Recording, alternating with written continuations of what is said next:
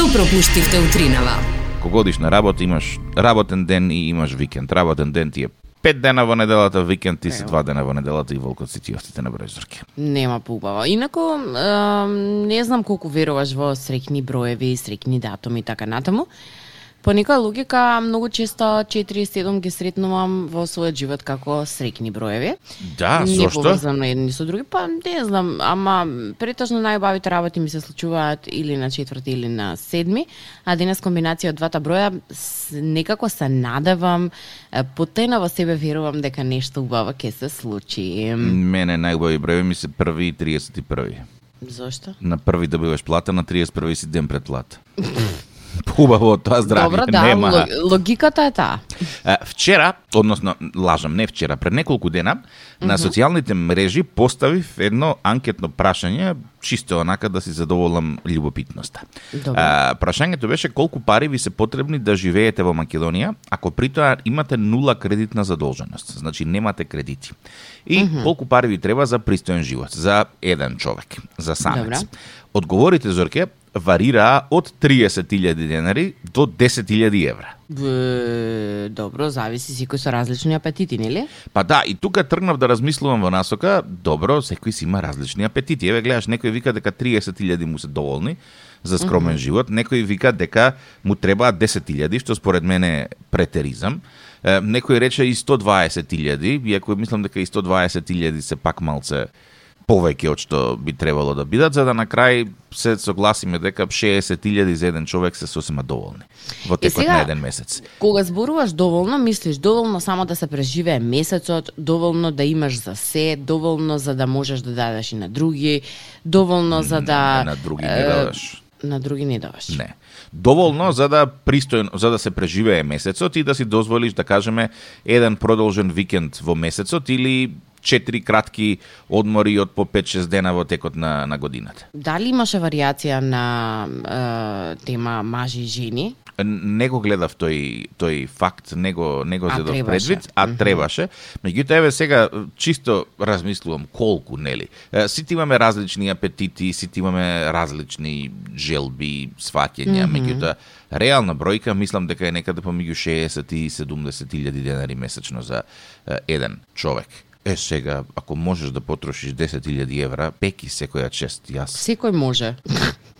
Секој може, секогаш може. Па, не знам. Многу Воопшто ми... не, е- не е тешко да, да размислиш каде ќе ги потрошиш парите. Не. И тоа да не биде на трошење без да не речем да не речем нерационално трошење, туку баш трошење со да речеме вложување. Можеш секој месец да измислуваш, тоест да изнаоѓаш нови начини како да го подобруваш своето знаење, својата умешност. Можеш да си купиш нов автомобил, можеш да вложуваш во библиотека, можеш да вложуваш во нов мебел. Вложувањата никогаш не престануваат, особено кога си жена, секогаш вложуваш во добра шминка. Па да, ама Па вложуваш во добра крема, ноќна, дневна, вложуваш во квалитетни шминки, во квалитетни штикли. Е, Бе да вложиш во еден нов усисивач, во еден нов Е, па, шпорец, во не, air fryer. Тргнав, да, тоа тргнав натака. Мислам, на крајот на криштата, кој знае дали имам нов осисивач или нов шпорет, ако е, чевлите ми се распаднати. 079-274-037 и тик-так и Зорка на Facebook и на Instagram. Ова е постирано за дискусија утринава. Твоето мислење за тоа колку е доволно за да се протурка еден месец, без при тоа да имаш кредитна задолженост. Значи не отплаќаш кредити. Никакви. На оваа тема, вашите размислувања веќе ги читам на Facebook и право да ти кажам, се малку над она што јас очекував. Колку? Над илјадарка? Па, да, Горан вели, за семејство ми се потребни околу 150.000 динари, ама Па добро за семејство, семејство. семејство 4 члено, 3 члено, 5 члено, 8 Па члено. стандардно кај нас е 4 члено. Па добро. Прифатлива бројка. Да, Ана вели неограничен затоа што пристоен живот се менува заедно со приходите. Се согласувам, не, не знаеш. вакви филозофии сите знаеме, ама е, Дали е чашата полупразна Или е полуполна. полуполна? Да. Васе вели за нормален пристоен живот за 4 члена семејство со овие цени во моментов околу 170 до 200.000 денари, што воедно и најлајкуван коментар на- веднаш под постот. Бојан вели за мене ми требаат 50.000 денари. Тол, толку е таа. Тоа е околу 50 до 60 за еден човек е математиката, со тоа што децата трошат малце е, помалку од е, возрастните, да кажеме. Велиш? Да. Децата трошат? Па децата сега, не трошат, ама родителите трошат за децата да имаат. значи математиката е дека детето чини е, околу како рекоа они 40-50% од она што чини родителот. Така да кога се буџетира, ако за возрасен да кажеме се буџетира 60.000, за дете се буџетира 30.000. Јаде помалку, ама носи повеќе алишта и тука се компензира разликата. Да. Дали вели, ако најдете некој човек со нула задолженост, би сакал да го запознам, да видам како изгледа таков човек. Еве сум Далибор јас. И јас исто така. Не ми оди баш многу со тие минусни сметки и решив дека животот колку можам ќе го поминувам на позитивна нула, односно без да имам некаква позајмица, затоа што во моментот кога ќе се поземам од банка за да си купам се што сега во моментов немам. Ја даваш а, душата на ѓаволот. Па не, не ја давам душата, ама некако мислам дека ќе спиам веќе во една поинаква димензија и решив дека подобро 150 денари дневно да тргам ако сум во можност или 1500 денари да заштедам на страна ако сум во можност, отколку да не сум во можност, а да речам на било која банка. Добар ден, Зорка има потреба од вашиот кредит. Така што за сега се држам добро, ќе видиме дали ќе ми успее и колку ќе ми успее со оглед на тоа какви се цените. Добро утро. Ме интересира, вчера зборувавме многу на тема одмори и на тоа како си поминуваме, како ќе си поминеме. Добар дел од вас се уште не се заминати на годишен одмор. Се надавам дека е, ќе го сторите тоа што поскоро, односно дека и оваа година има план за тоа каде да се оди. И сакав да размислам, односно гласно си размислувам што тоа стои позади совршените е, фотографии од одморите заедно со деца. А, у, што стои позади? Заради тоа што вака е, гледано на социјалните мрежи, тоа е еден совршен одмор каде што мама и тато одмара, децата уживаат во вода. Е, за вие кои што за вас кои што децата ви се пораснати, ќе ве наведам да се вратите неколку години наназад или за вас кои што можеби се уште немате дечиња, сте помлади, ќе ве наведам наназад да се навратите на времето кога вие бевте деца, па вашите родители ве носеа на годишен одмор. И сега јас од е, своја гледна точка, односно од своето искуство кое што ми се случи нели неодамна, сега пред една недела, нема ни недела дена како се вратив од одмор, седнувам, размислувам и ја гледам фотографијата, ние четворица сите совршено насмеани, па тоа мислиш дека совршенство тече од сите страни, меѓутоа пред да се случи фотографијата, реално пред да се случи фотографијата имаш. Намести се вамо да се сликаме. Дојди, не изведувај, ајде убава насмевка, не така со ушите. Значи, ајде, застани убаво, е, е, така. Ама, Мартин, си трепнал. Иван, намести се понаваму. Значи, така изгледа една слика пред да се создаде и да изгледа тоа е- тоа е- на социјални мрежи. Тоа е сега. Порано не беше така. Порано имаше 30 пози е, во еден филм или 24 36 беа, така. 36, е. да. И тоа беше тоа, штракаш, ги носиш во Интеримпекс и чекаш 30 дена да ти ги развијат фотографиите. Значи ако си бил молиш на доброто. ако си бил на одмор во јули, фотките ги имаш некаде во септември. И тоа е тоа, стигаш е, дома со пликото фотографии, седнувате сите и почнувате да ги гледате и воопшто не обрнуваш внимание на трепката, прстот е покрил леќата од фотоапаратот, Зорке, те молам, погрешна, е, тој чичкото тамо, техничарот ја осветлил повеќе од што треба, е, го осветлил негативот повеќе од што треба, имаш осветлена фотографија, нема шанси да, ја не се вратиш таа меморија. Да не се лажеме, јас до ден денешен грдни пари давам за да извадам фотографија од одмор, секоја година тоа го правам и реалноста е дека ние се уште дома се собираме сите на маса па ги гледаме фотографиите низ кафе. Е, меѓутоа да се вратам на темата, не се се само фотографиите она што го прави еден одмор добар. Така, фотографиите се. се само споредни. Имаш момент, се оди на плажа. Излези од вода, уште е ладно, не може да влезете. Не, нај, е најубава, најубава е, изрека која што ја слушам по плажите е излези од вода, ќе се удавиш, ќе да скршам од кјотек. Значи, се удавиш, ќе те скршам значи, ако се удавиш, ке- џабе кјотек, да не го сваќаат и не го знаат тоа децата, така да, Да, не или е многу ми е страшно. интересно мајка која што урла на плажа и вика А бре, не урлајте, само вие се слушате. А ти не за слушаш, не ги слушаш децава, Отколку, децава да. таму да. вришта, да. Не одете во длабокото. Не одете во длабокото, а они па, па во длабокото решиле да одат. Не се закачајте. Ем, кој не јаде зеленчук нема во вода. Ако не те намачкам, нема да влезеш.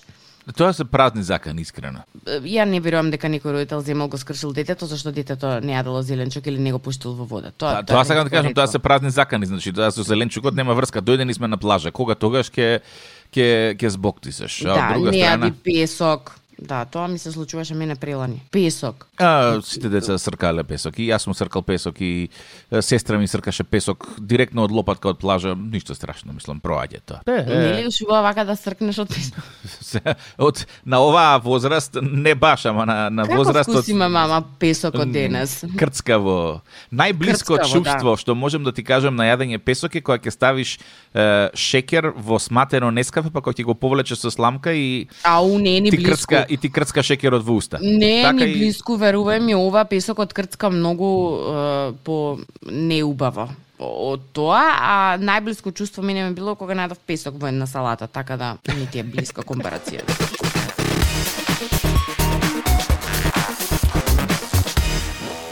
Масовни реконструкции се случуваат низ Скопје, улици се реасфалтираат, паркови се градат, паркови се чистат, Скопје ќе стане една таква метропола, Зорке нема да може да и се изначудиме и, и да и се изнаиграме.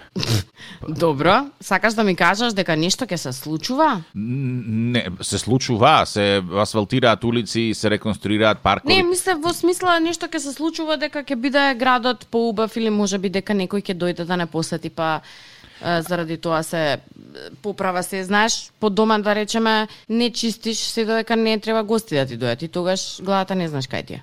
Па, види, доаѓа некој се блокира сообраќајот во Скопје, не можеш да поминеш, така да може би се тоа спремаат посети кои што не ги знаеме. Тоа тоа никогаш не го разбрав. Доаѓа некој и главниот град се блокира. Да. Некој не е задоволен и главниот град се блокира. Некој со некого се кара и главниот град се блокира. Тоа не го сватив. Се, например, да речеме, еве, јас си живеам на улицава, така? Да. И, е, не дај Боже, нели, дома се скараме, и ја излезам на улица, нема поминување. Зошто? Па не сум смирена со машмиушта. А, обиди се да направиш нешто такво да те Ама комшијата вика од таму, ама ми нешто ми е гајле, вие дома што се карате. Ама Комшија не може, доека не попушти маш ми за тоа што се договаравме, ја не се тргам од тука. Така е, а ова додека не Или, или ми доаѓа гости. Остаја колата на сред улица. Праѓање, нема праѓање комшија, многу ми е жал, ми дојдоа гости. Е. Ама не можам да рата, ама гости мене ми се од странство. Ама тоа се случува да знаеш. ама Тоа се со слу- гости, со паркирање кај стигнат, да. Ама добро може да се случи инцидентно еднаш така да се паркираат ако ептен нема. Ама што мене ми значи тоа што доаѓа некој гостин да ја не можам да отидам на своето работно место или да се вратам или да отидам да изфункционирам онака како што реално функционирам. Види, тоа не можам да поентава ти е многу добра. Тоа значи дека е, тие сакаат да си дадат сами себе на важност повеќе од што им следува. Абе, супер, нека си дадат важност колку сакаат, никој не ми ја одзема важноста. Ама зошто моето функционирање е доведено во прашање секој пат кога на некој некого ќе му дојде или на некој нешто не му е исполнето? Или, на пример, доаѓа битен гостин од Англија, цела улица кај тебе затворена. Комши, соседи, седете дома, гостинов да помине. Не ми е сватливо, Да. мислам. Ако сакаш и ако си толку битен, летај со хеликоптер од точка А до точка Б, еве го Нема на крајот на краиштата, мислам, верувам дека она што на еден гостин сакаш да му го прикажеш, сигурно не е сообраќајниот хаос во главниот град, па ти до, А дополнително па не, го види, создаваш и, еден и, тако. сообраќајниот хаос гостинот не го гледа, гостинот вика, вау, како добро ви организиран Колку сообраќај од жива кола нема по улица. да, колку е функционално. Види, ја би сакал тука да живеам од работа до дома за 5 минути ја ставаш секој ден. Да. Еве, ај, Никоја лажна слика им представуваме на гостите кои ќе ни дојдат тука кај нас. па пајако чисти коли два дена пред тоа, па вака, па онака, И се па... враќа гостинот во својата матична земја и вика леле кај што сум бил во еден град во Скопје леле леле леле. Сообраќај од среден име, да, живо пиле а нема по не улици. може да стасаат со денови до своето работно место или да се вратат Тоа е многу неубаво, особено кога ќе земеш предвид фактот ако имаш и мали деца, па треба не да Боже да носиш дете на лекар или дете на тренинг тренинг треба да носиш, нема се е блокирано. Зошто дошол некој? Веќе знам дека некој доаѓа, е, кој ќе насетам гужвата уште кај бит пазар, знам дека има некој дојдено. Или дека е протест во прашање. Ама никогаш не не сватив како да се направи да речеме еден протест, односно оној кој што протестира да си го добие своето право, зашто и да протестира или гостинот да си го добие третманот кој што треба тука да го добие, а при тоа ние како граѓани да речеме, неважно е дали за Скопје станува збор или за некој друг град. Ние како граѓани како да си го добиеме нашето право да се стасаме уредно до нашето работно место. Мислам во Скопје е, е, скоро невозможно да функционираш нормално и во денови кога нема гости или кога нема протести. А па замисли плюс на сето тоа кога ќе додадеш плюс протест. И сега замисли на 40 степени заглавен во градската гужва, некој доаѓа. Ало, добро утро. Ало, се срами. Не се срами, убаво е кога си зборуваш. Не, човекот го нема. Телефон звони, а тој си кјути, така да тука завршува муабетот. Ало, ало. Добре. Да не му има дојдено гостин. Па, може и тоа да правиме. Ало, ало. Не, А, ништо. Добра. Што е тука? Гостите може да си почекаат. Нема бегање од нив.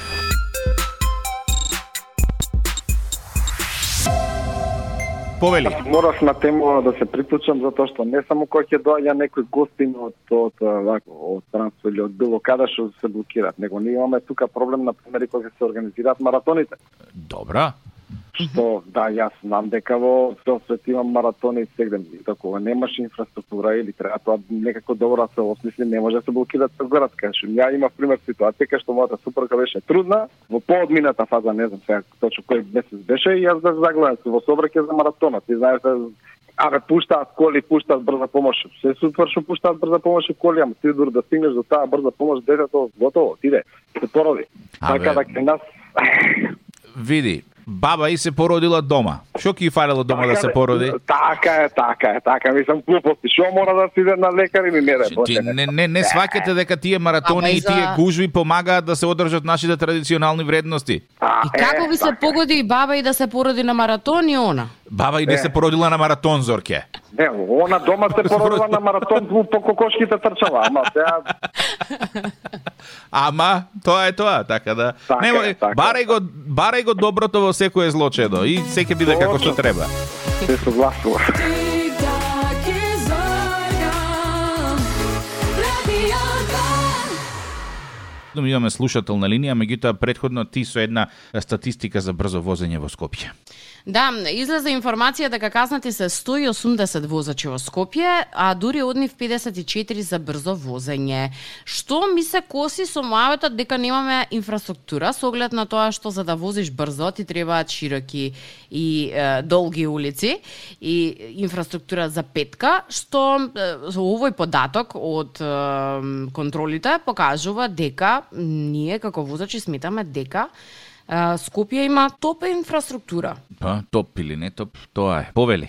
Значи јас морав да се јавам од и не вие само во, во, во градовето, ние овде имаме, јас сум од, од Кутчино сам ја и тука кога ка, ка се враќат кравите од пасењето цел пат го блокират. Не можеш да пројдеш ни со кола, ни со моторче, ни ни едва е. Гледај, Зорке, не сме единствени кои што имаат проблем. Имате проблем со инфраструктура. Очевидно. да си дојдете во Скопје, ние немаме проблем со ништо. Со тие куршуми не. Бескорисни факти за кратко остани на Радио 2. Добро утро.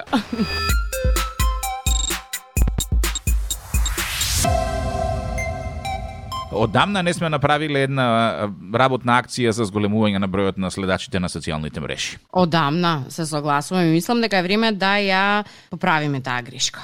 Одиме. 3, 2, 1, е, телефонот од твојот джеб во твојата рака сега, Инстаграм, TikTok и Зорка. Не наоѓаш, стискаш лайк, фоло или што годи да пишува на копчето поново. Времето се уште тече, само денеска 3 за 1. Значи, се уште трае акцијата, можеш да го направиш тоа. Минимум 100 следачи ни требаат во следниве 10 секунди. Зорке, како се движи бројката? Е, Се и движи, уште се 10 движи. секунди, се движи, се движи. Ајде, дали ќе ја пробиеме бројката од 100? 3, 2, 1, отвара Инстаграм, лајкај не, лајкај не. Ова акција трае само уште 10 секунди. Наскоро ќе ја снема и толку е за денеска. Доста беше. Има, добро. Има, добро е. Има. Квотата е исполнета.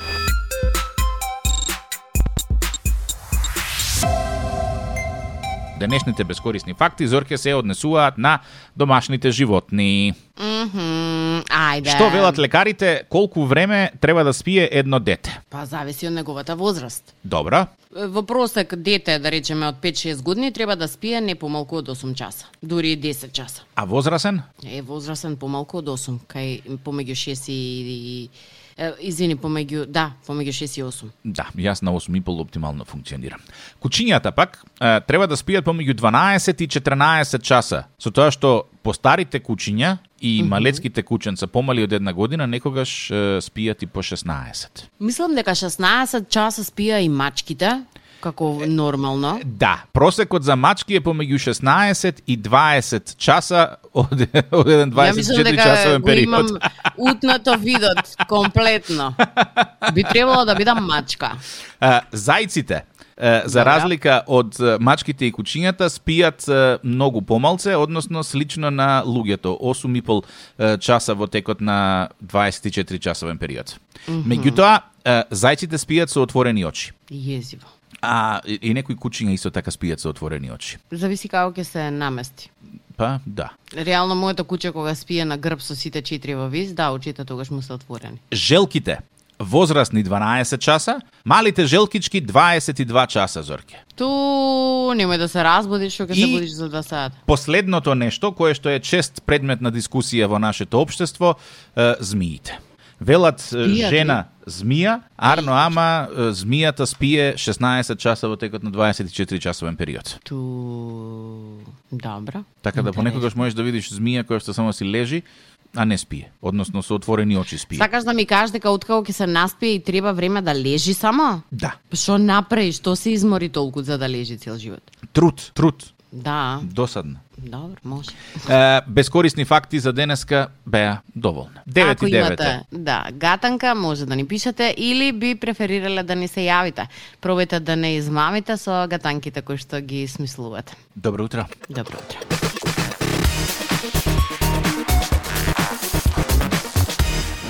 Пред емисијата, која што е пред самиот крај, гатанка за мене има слушателката знај.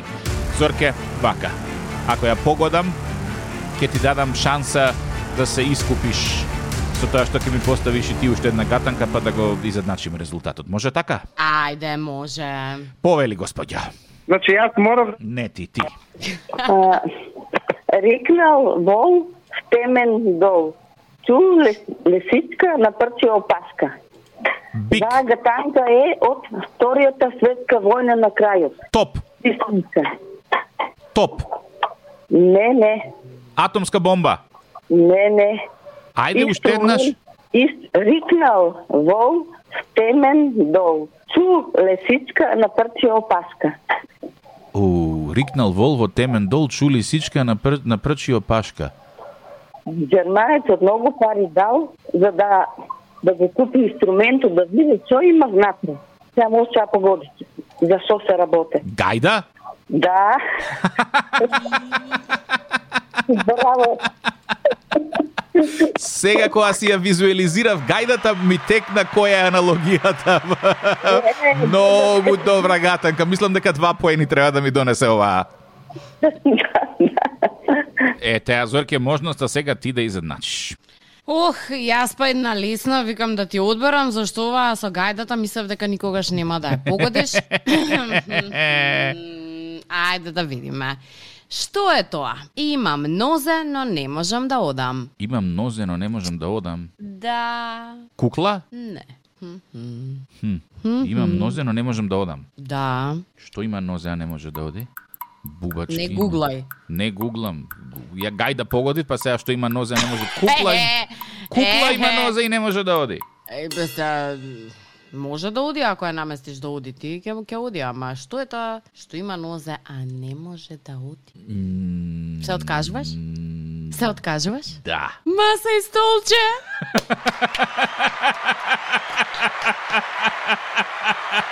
На мојата радост и нема крај. Не Мислам дека ќе ја погодиш. Не ми се верува дека на ваква лешперска финта ме фати Зорке. Браво, Ја не знам заслушен каква е аплауз. финтата, ама мислам стварно да, да не по... Шо очекуваше да? Ја викам ќе каже ќе го текне барем маса или не, барем ни на столче. крај памет не ми отиде на маса и столче. Нешто кукла ми се уврте во глава и тука си ја терав кукла, Не. кукла. Што значи дека за денес резултатот е нерешено. Да. Мм, колку прекрасно. На Радио 2, секој работен ден од 7.30. Будење со Тик-так и Зорка. Во случај на неконтролирано смеење и симптоми на позитивно расположение, консултирайте се со вашиот лекар или фармацевт.